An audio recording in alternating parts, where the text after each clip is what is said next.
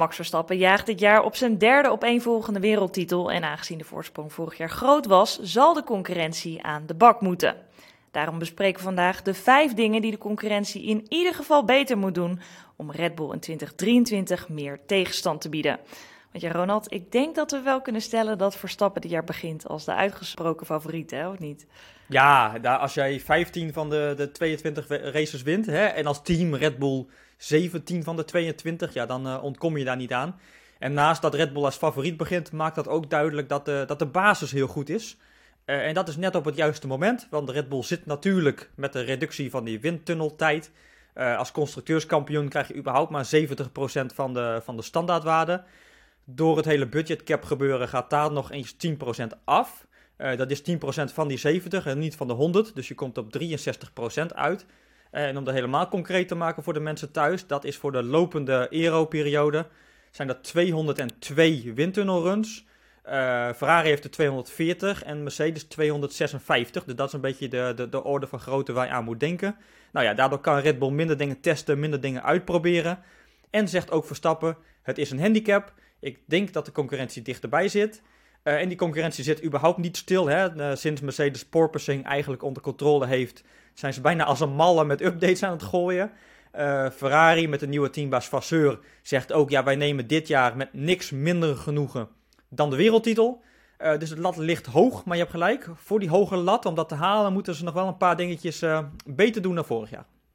Ja, want dan gaan we het dan over hebben. De vijf punten waarmee de concurrentie aan de bak moet. En dat begint eigenlijk met een uh, belangrijk aspect dat voor de fans niet te zien is. Uh, namelijk de vloer. Ja. Teams proberen dat altijd geheim te houden. Al doken er vorig jaar natuurlijk wel wat foto's op uh, van de Red Bull, Mercedes en Ferrari vloer. Wat maakt Red Bull op dat vlak nou zo sterk? Ja, de, de vloer inderdaad, uh, mega interessant. En met het huidige reglement, samen met de motor, denk ik ook het allerbelangrijkste onderdeel. Uh, voor een echt complete uitleg daarover zou ik eigenlijk uh, aanraden om een technische video die wij eerder hebben opgenomen, om die nog eens een keer helemaal te kijken. Want daar zit en een uitleg van het grondeffect in. en de hele Red Bull vloer komt daar uitgebreid aan bod. Dus de link verschijnt hier wel in beeld. Dus klik daar vooral op nadat je deze hebt gekeken. want de beknopte versie eigenlijk van die video luidt. Dat de Red Bull vloer een stuk complexer en dus ook geavanceerder is dan wat Ferrari en, en Mercedes vorig jaar hadden. Uh, we hebben ook wel een animatie die dat een beetje leuk kan laten zien. En dan zie je eigenlijk aan de, aan de, aan de bovenkant, dus aan de voorkant, zie je al dat er veel meer scherpe hoeken en vertakkingen in het vloeroppervlakte zitten. Aan de achterkant, wat de Engelse boat tail end noemen, zie je dat ook. Is heel belangrijk, omdat Mercedes en Ferrari een kickpoint hadden. Dat is een punt waar de, waar de vloer in hoogte verspringt. Maar daarvoor wordt heel veel downforce gegenereerd. Dus dat werkt ook porpoising in de hand. Heeft Red Bull anders en dus slimmer opgelost. Uh, en ze hadden slimmigheidjes als de ice skates, hè, de, de ijzertjes, wat een soort buffer vormt ook tegen porpoising. Maar ja, bottom line is dat zij met die scherpere hoeken, met die uh, complexere structuur, dat ze de luchtstroom gewoon optimaal konden dirigeren naar het midden. En dat is meteen uh, de crux van het grondeffect. Namelijk, lucht komt aan de voorkant die Venturi-tunnels in. In het midden zit de vernauwing, daar zit die vloer namelijk dichter bij het asfalt dan voor en achter. Lucht gaat sneller stromen. Wet van Bernoulli betekent dat dat een lage drukgebied oplevert. En dus wordt de auto naar de grond gedrukt. Uh, en als jij dus die luchtstroom zo optimaal mogelijk kunt dirigeren, kun je ook zoveel mogelijk downforce genereren. Uh, het enige wat je daarvoor nodig hebt is iemand die dat waanzinnig goed begrijpt. Die heeft Red Bull met Adrian Newey. Uh, en daardoor hebben Ferrari en Mercedes veel meer op safe gespeeld met een egaler vloeroppervlak, een ovaler ontwerp. Maar ja, als jij Red Bull echt van repliek wilt dienen, dan moet je misschien toch iets meer risico gaan nemen op dat vlak. En het leuke daarvan is, of ze dat gedaan hebben of niet, dat weten wij niet. Uh, en dat weten we ook in Bahrein niet, want je moet in Bahrein heel erg je best doen om een auto plat te rijden. Niet in het verkeer trouwens, dat is heel makkelijk met een straatauto daar, maar op het circuit gaat dat wat moeilijker. dus wij weten gewoon niet hoe die vloeren er nu aan de onderkant uitzien. En, maar dat maakt het ook wel weer, weer spannend. Ja, en dan een aspect uh, dat voor de fans beter te zien is. Uh, dat is natuurlijk de topsnelheid. Iets waar ja. Red Bull uh, afgelopen jaar nou weinig over te klagen had. Wat is de verklaring daarvoor en wat kunnen de concurrenten daar dit jaar tegenover zetten? ja, die verklaring vanuit Red Bull is, is tweeledig voor die hele goede topsnelheid. enerzijds de motor. Hè, je mocht nog één performance upgrade per component doen.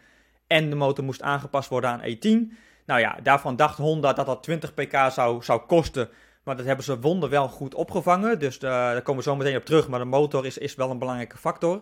maar minstens zo belangrijk is de hoeveelheid drag, dus de hoeveelheid luchtweerstand. en ook dat heeft Red Bull en Adrian Newey te danken. Namelijk, die heeft een auto uitgetekend, een ontwerp, een concept, met heel weinig luchtweerstand, heel weinig drag.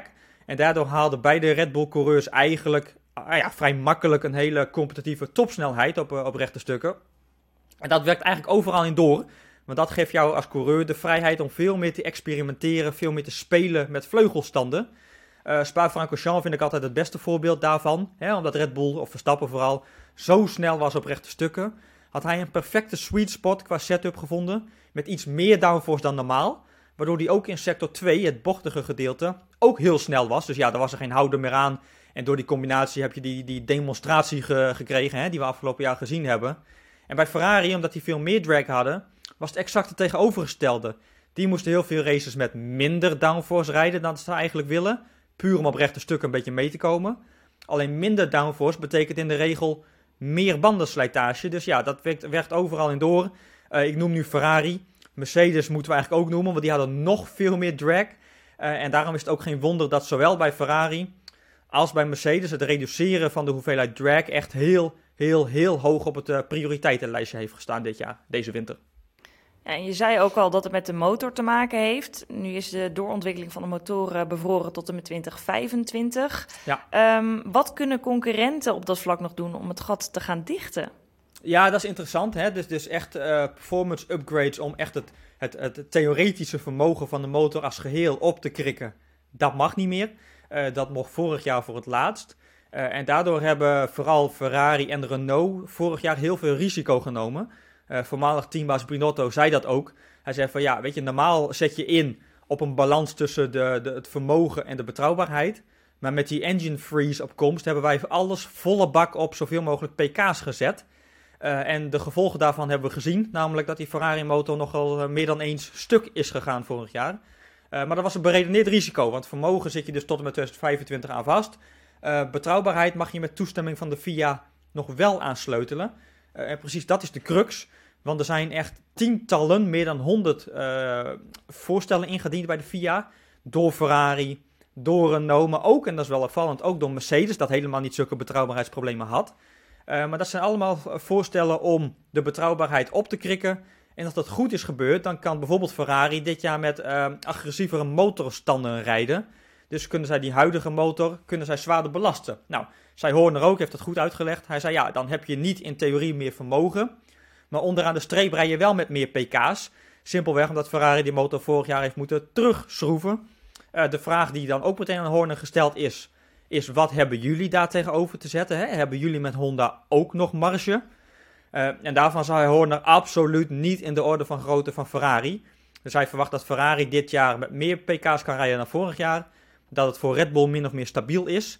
Uh, en dat dat dus een heel klein beetje meer in elkaar gaat schuiven. Ja, tot zover over de auto zelf. Want met een goede auto ben je er natuurlijk uh, niet. Uh, ook de tactiek en de uitvoering op zondag moeten kloppen. Iets wat het team van Ferrari vast zal beamen. Zo. Ja. Um, en waar kunnen de teams op dat vlak nog uh, ja, terrein winnen? Ja, nou bij Ferrari vooral de tactiek inderdaad. Dat is wel, ja, dat is wel een goede. Wel een dingetje geweest. Ja, is wel een dingetje geweest. Hè. alle tactische keuzes lagen ook op, op social media mega onder een vergrootglas. Uh, zou je eigenlijk denken, hè, Vasseur komt erin, die gaat het hele tactische team overhoop gooien, die, daar gaan echt koppen rollen.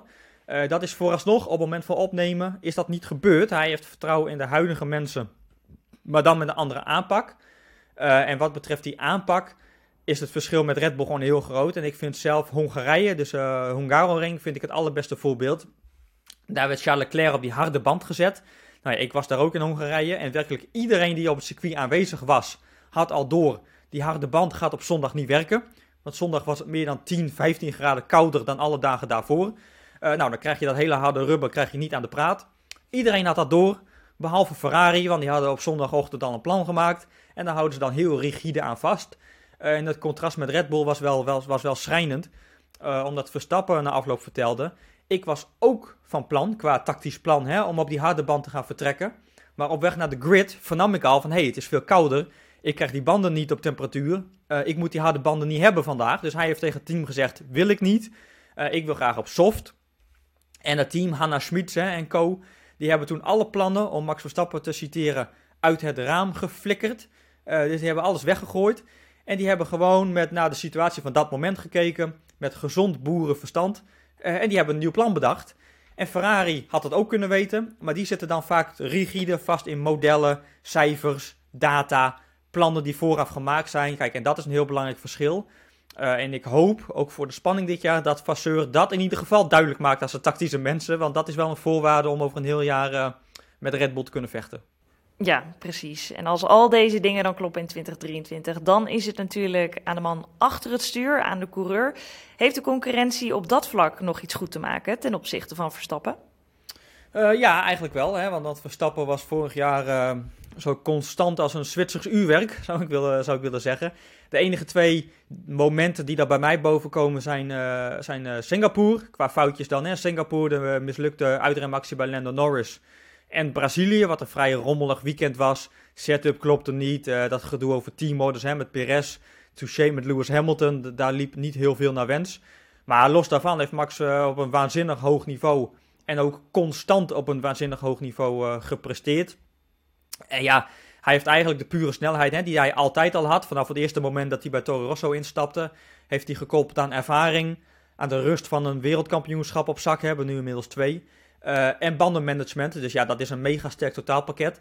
En als je kijkt naar de concurrentie, die hebben vorig jaar, ja, leuker kunnen we het niet maken, uh, toch wel wat steekjes laten vallen. Hè? Leclerc, moet ik hem een compliment voor geven, heeft namelijk zijn foutenlast heel erg naar beneden gebracht.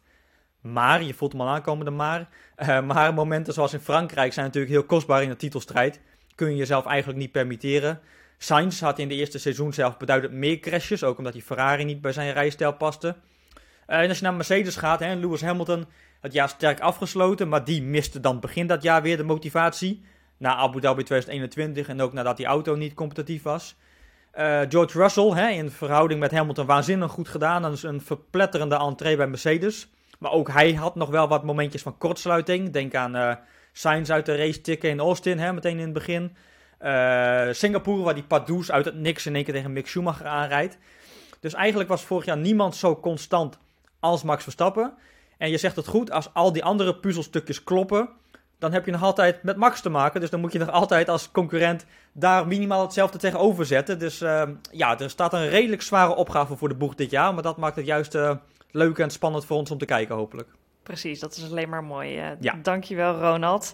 En uh, dat was hem voor vandaag. Wil je nou geen video's van ons missen? Abonneer je dan op ons kanaal en druk even op het belletje. Dan krijg je namelijk vanzelf een melding als er een nieuwe video voor je klaar staat.